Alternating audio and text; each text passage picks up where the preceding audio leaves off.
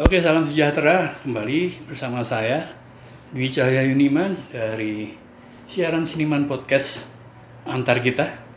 Ya, kalau sebelumnya kita sempat bicara dengan Bang Tobing dari layar kita. Kali ini kami eh, berkesempatan menemui eh, seorang penggiat rekaman kaset Indonesia yang juga sempat menjadi uh, topik pembicaraan saya dengan Arnando di Jazz Kata Kita yaitu Hidayat Records Pak Yus Herdiawan Halo Pak Yus apa kabar? Halo. Ya uh, dari podcast ini sebenarnya saya ingin juga bisa digunakan untuk Jazz Kata Kita oleh karena itu saya ingin membicarakan dengan Pak Yus Herdiawan yang walaupun seorang pengrajin cangklong dan juga salah satu penggiat seni rupa eh, yang saya ingin ekspos itu sebagai uh, mantan uh, apa ya pengawas staf sebuah perusahaan kaset lokal yang boleh dikatakan bersejarah dan bersejarah ini juga bukan jazz. bukan bukan apa mengada-ngada tapi pada kenyataannya demikian yaitu Hidayat audio yang secara secara sepintas atau kalau googling kita ingin lebih cepat kita bisa ketik saja Hidayat Records. Hidayat Records atau Hidayat Audio itu membawahi tiga kita bicara dari sejak sebelum lisensi ya. Jadi saat itu Hidayat Records uh, yang saya tahu sebagai orang awam sebagai seorang konsumen ada uh, Jazz Connoisseur, ada Hidayat Hidayat audio. Audio, Nah itu ada dua dua ini dia eh, yang tradisional sama jazz Hidayat. Jazz. Oke, Jazz kalau gitu kita resmi saja serahin ke Pak Yus Herdiawan untuk nyeritain apa yang Pak Yus ketahui tentang Hidayat Audio. Eh, Hidayat audio itu kebetulan saya baru eh, masuknya itu sekitar awal tahun 80-an yaitu sekitar 81 Eh, ketika saya masuk ke sana di situ pun sudah ada kaset rekaman yang diproduksi pada tahun 73-an ya. Ya, berarti mungkin Hidayat saya juga lupa nggak nggak belum pernah nanya ke ownernya itu Pak Bilian Tanah. Firmansyah eh, kapan mereka berdiri. Tapi menurut saya sekitar mungkin akhir tahun 60-an lah ya. Oke. Ya, ada, karena di situ tuh ada produksi yang nggak pernah lagi diproduksi yaitu karya Gatot Sunyoto. Maksudnya masternya ada tapi Masternya tidak ada diproduksi tidak lagi. diproduksi lagi karena sudah terlalu kadaluarsa atau apalah. Seperti yang kita Lewat tahu zaman kan, ya, ya asumsinya. Gatot Sunyoto itu adalah salah satu eh, pionir pemain boneka itu loh. Ya, Dengan suara perut apa namanya istilahnya tuh? Ya itulah. Ya, kayak gitu ya. Nah, di situ ada itu mungkin tahun 60 berapa saya lihat itu ya. Nah, jadi eh Ventriloquist. apa? Ventriloquist. Ventriloquist. Oke. Nah, di Hidayat Audio itu dia ada tiga eh apa ya kategori atau jenis musik yang diproduksi. Subproduk ya. Ya. Satu jazz connoisseur, eh, kedua Hidayat. Nah, Hidayatnya ada dua, yaitu jazz yang Indonesia dan eh, Sunda. Oke. Itu Degung, Kecapi Suling, eh, Cianjuran. Itu dengan label Hidayat Audio, koproduksi lokalnya. Nah, untuk yang baratnya itu jazz connoisseur dengan eh, apa hashtag lah istilah zaman sekarang ya. Dia jazz connoisseur, the jazz spirit in Indonesia. Itunya. Dan hampir semua atau lebih ke mainstream straight ahead cool seperti itu ya Seperti itu tapi ya. tidak ke tidak ke jazz rock lah ya Ya, belum karena waktu itu belum tapi kayak makin ke sini ada sih beberapa kayak Billy Cobham dia ada oke diproduksi ya juga yang ya. termasuk di Korea juga Di ya. Korea ya ada makin ke sini dan lisensi diterapkan berhenti yang ya eh, begitu lisensi kita diberlakukan pada aw- tahun 87 87 ya 88 ah. 8788 kita berhenti kita ikutin aturan dari pemerintah. Eh, tapi waktu itu pun yang yang lucunya sih waktu kita produksi sebelum ada apa namanya sebelum ada ini Aturan. aturan itu kita beli kaset berikut dengan bukti pajak dari pemerintah. Oh iya, ah, Nah, saya, itu kan cukup aneh juga ya. saya saya ingat sebagai konsumen gitu Ah. kan. Ada yang Label, apa, label kayak kayak ah, cukai ya, kayak cukai kayak di rokok kan ada tuh. Dan dengan pengertian bahwa pemerintah memajaki barang bajakan. Orang bajakan, lucu kan? Nah itu yang membuat kita juga ini gimana sih gitu ya. Di satu sisi ilegal dianggap oleh mereka ya, oleh orang luar terutama. Tapi untuk lokal resmi karena dari pemerintah. Jadi kita harus beli satu kaset kosong itu harus dengan berikut dengan kita cukainya itu. Kita cukai. Jadi kita beli eh, kaset seribu, seribu, kaset kosongnya seribu, kosongan gitu ya. Plus cukai. Cukainya pun untuk yang di cover sama di kasetnya. Kalau yang di kasetnya kecil biasanya sih ini kotaknya ya. Ya, ya. Nah, jadi ya lucu lah di situ ya. Nah ketika per- eh, itu diberlakukan otomatis kita nggak produksi lagi yang barat karena kita takut terkena sanksi ya. Pastinya ya. Pasti ya. Akhirnya kita hanya produksi yang jazz Indonesia dan Sunda itu yang kita Pisuling, Cianjuran, Degung. Oke. Kalau yang khusus musik jazz Indonesia, apa yang Pak Yus ingat? Yang saya ingat yang nomor satu jelas yang pernah cukup eh, hit di Indonesia itu karya Rinja Main. Nah, apa? eh, albumnya Api Asmara.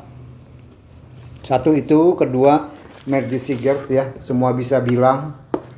Lantas eh, jazz meeting di, di mana itu eh, sekumpulan jazzer top Indonesia ada di situ semua seperti Bubi Chen, eh Bubi Chen ada nggak ya? Jack Lesmana, Benny Likumahua, terus Karim, terus drummer tuh siapa saya lupa lagi. Pokoknya semua jazz top Indonesia di situ ada di jazz meeting ya. Lantas eh Rollies, The Rollies pun ada dua. Satu yang album yaitu Tiada Kusangka. Satu lagi The Rollies ketika main di tim lagi live itu kita rekam. Nah yang jazz meeting juga sama itu lagi live di di tim kalau nggak salah itu ya. Lantas ada jazz mas- masa lalu dan kini. Terus ada Rinja Main, Tuan dan Kami. Lantas Bubi Chen terpikat, Bubi Chen dan Magic Sigers ya. Oh iya ada satu lagi yang agak ngepop dari Brewery kita sempat juga rekam itu, yaitu album Manisku ya. Brewery dan Jack Lesmana combo. Tapi itu pengiringnya Jack mana ngepop tapi. Eh, agak ngepop menurut Agak saya ngepop. sih ya. Enggak enggak ya enggak kayak Jadi seperti sesuaikan sama brurinya lah ya. betul karakter Budi seperti apa. Terus yang menarik lagi ada Bubi Chen ketika Bubi Chen lagi di Amerika dia eh, main dengan seniman sana saya lupa namanya salah satunya yang saya ingat sih Paul Lengos ya dia main Iya, drum kalau Edward nggak salah ya Heath. Edward Heath. Edward Heath ya Tutti Hit. Ya, dia di sana rekaman di Amerika, lantas hasil rekamannya dibawa ke sini dan kita produksi kita ini. Nah, terus yang satu lagi yang yang paling berkesan buat saya adalah ketika Bubu Chen kita gabung dengan eh, Uking Sukri Musik tradisional. komedi Ya. tradisional dia main kecapi suling ya yang sangat menarik ya Bobby dengan Uking itu eh, dua ini yang berbeda jauh ya nah karena kita bergerak di dua sisi satu jazz satu tradisional nah kita coba gabungkan yang Pentatonik sama diatonik. ya kita gabungkan dan Bubi Bubi Chen setuju dia ya Eh, terus akhirnya dia minta Sebentar, tolong sebentar. Yang saya tahu pianis pianonya Om Bubi sengaja di tune mendekati menegari Pentatonis. mungkin ya itu nggak tahu lah s- gimana ini ya. Dan itu di apa namanya ya begitu mau rekaman dia minta ini minta di, direkamkan contoh eh, si lagu yang akan dibawakan oleh mereka. Nah, akhirnya saya Uking eh, Uking sama Kecapi Suling, In, Rincik sama Indung, eh, sama Suling ya, sama Suling. Itu kita rekam empat empat orang itu kita rekam eh, untuk satu album itu ya. Kita kirim ke Bobby Chen di Surabaya. Nah, lantas dua minggu kemudian datang ke Bandung untuk latihan. Latihannya tuh di rumah almarhum Pak Sudibyo eh, di apa di Dago ya. Dago. Ya. Salah satu penasihat klub jazz juga. Ya, salah satu penasihat klub jazz ya. Nah itu latihan di rumahnya Pak Dibyo. Cuman ya berapa kali gitu latihan, terus dia balik lagi ke Surabaya. Pokoknya bolak-balik sekitar 2-3 kali dia latihan di Bandung gitu ya. Di rumahnya Om Dibio itu. Di rumahnya Om Dibyo. Nah terus setelah mahir udah cukup puas, lantas kita rekamannya di eh, Jakarta. Kalau nggak salah Aquarius atau apa saya rekaman saya lupa ya. Nah itu kita bikin master di sana. Udah jadi bang tuh kita produksi di Hidayat. Dan gak lama yang paling membanggakan adalah kita mendapat award dari BASF ya Hmm. sebagai musik alternatif terbaik. Nah itu Tahun berapa itu kira-kira? itu tahun 85 apa 87 antara itu lah. Jadi eh, paling memuaskan buat saya itu yang selama saya kerja di situ ya jadi menelurkan sesuatu musik alternatif yang dihargai oleh oleh ini ya oleh BASF. Ya, Cara penjualan gimana?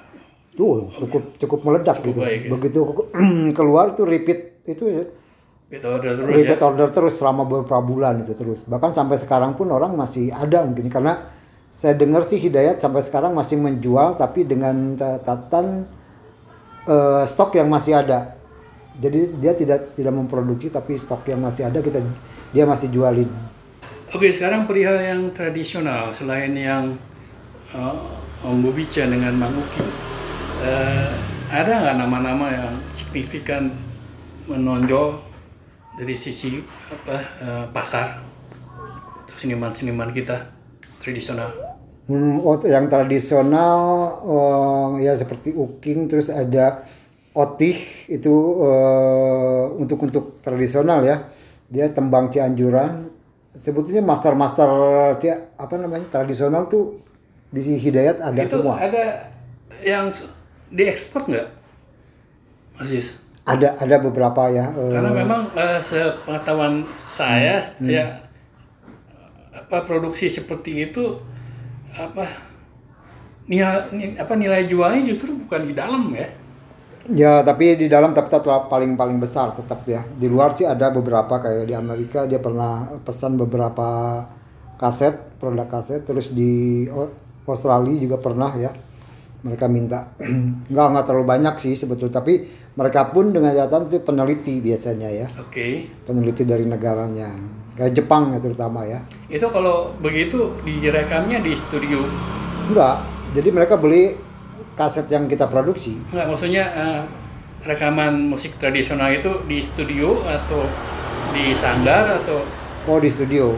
studio. Ya, Eh, kebetulan kita juga punya kalau untuk kecapi suling kan alatnya cukup sederhana ya, Eh, akustik gitu ya, cukup dengan eh, taruhlah 8 track atau 16 track aja udah cukup gitu ya. Oke. Nah, kita produksi sendiri, kita rekaman sendiri, atau kalau kita nggak puas kita sewa studio. Oke. Bayu sendiri di Hidayat Audio sampai tahun berapa? Sampai berakhirnya bajakan atau Ya, begitu berakhirnya bajakan tuh udah mulai agak berkurang. Kita lebih fokus ke eh, audio. Ya, audio kayak speaker, ampli, ya kayak gitu-gitu kita main di situ. Tapi tetap yang Indonesianya, yang lokalnya kita tetap masih jalan ya. tadi Delapan. Bayu menyatakan pemiliknya siapa? Apa? Pemiliknya siapa? Biliantana Firmansah. Billy Antana Firmansyah, tapi nama perusahaannya Hidayat Audio. Hidayat Audio. Hidayat ini nah, orang kebanyakan berpikir Hidayat itu nama pemiliknya itu. Nah, ya, saya sempat nanya dulu ke Pak Bil ya, eh, nama Hidayat itu apa artinya buat, buat- oh itu cina jadi dia itu pemberian nama or- dari orang tua. Dulu namanya dikasih Hidayah tadinya. Hmm. Hidayat tuh jadi kan dapat berkah kayak Iya, gitu gitulah. iya, iya. Akhirnya di Terberkati ya. terberkati, akhirnya di ini jadi hidayat disundakan lah di agak-agak ini ya. Jadi dinamain dinama orang kan gitu Ah, kan. di nama orang kan hidayat. Nah, banyak kan orang kan bertanya hidayat itu seolah-olah nama orang padahal bukan, bukan. Bahkan cukup banyak orang nanya, "Pak Hidayatnya ada?" Ya, aku juga tahu, oh ada aja gitu. Jadi dimaklum lah. Oke, eh, sepengetahuan saya produk-produknya dari Hidayat Audio sekarang ini eh, boleh dikatakan merupakan nama-nama collectible ya yang eh, mulai diba- dicari banyak orang gitu.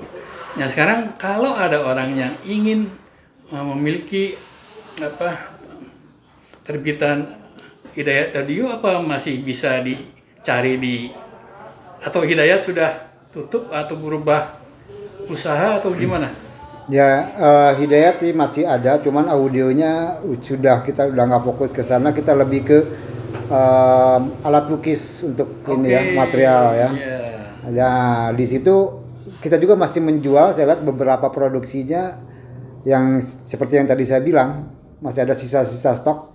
Mereka masih jual di situ ya. Nah itu eh, Hidayat tuh sekarang adanya di Jalan Sulanjana nomor 36 dengan nama Hidayat Gallery. Hmm. Dengan harga baru tentunya ya. Sepertinya ya. Ya karena memang biar, biar kata stok lama juga. Ya. Justru semakin lama semakin Dicari. apa, dicari semakin bernilai gitu ya. Hmm. Oh jadi eh, Pak Yus di sana hingga sampai akhir 80-an lah ya. Ya, eh, 89 saya udah nggak nggak nggak fokus lagi di eh, produksi, Oke. tapi saya tetap masih di Hidayat. Jadi minimal sekarang eh, sebagian dari apa yang banyak ditanyakan oleh teman-teman eh, sebagian bisa terjawabkan dan mungkin lebih jauh lagi nanti kita akan telusuri sejarah berdirinya. Siapa tahu kita bisa Hmm. eh, menghubungi dan ngobrol bincang-bincang dengan Pak Firmansyah sendiri. Oke, terima kasih Pak Yus. Mudah-mudahan ay- ayam manfaat. Oke, Dan eh, kita lain kali bicara soal cangklong. ya boleh, boleh, oke. boleh, siap. Ya. Oke. Oke, terima kasih ya Pak Yus. Oke, Mudah-mudahan selamat. sehat selalu, produktif Amin. dan pandemi berakhir kita melesat. Amin. Terima kasih untuk semua yang sudah mendengarkan. Mudah-mudahan berkenan dan itu tadi eh, siaran seniman antar kita. Saya mengajak bicara Pak Yus Herdiawan yang orang banyak mengenal eh, berkecimpung di dunia seni rupa tapi pada masanya dia adalah eh, orang yang banyak tahu perihal sejarah perusahaan rekam audio Bandung yaitu Hidayat Audio. Oke, kita jumpa lain waktu. Salam sejahtera.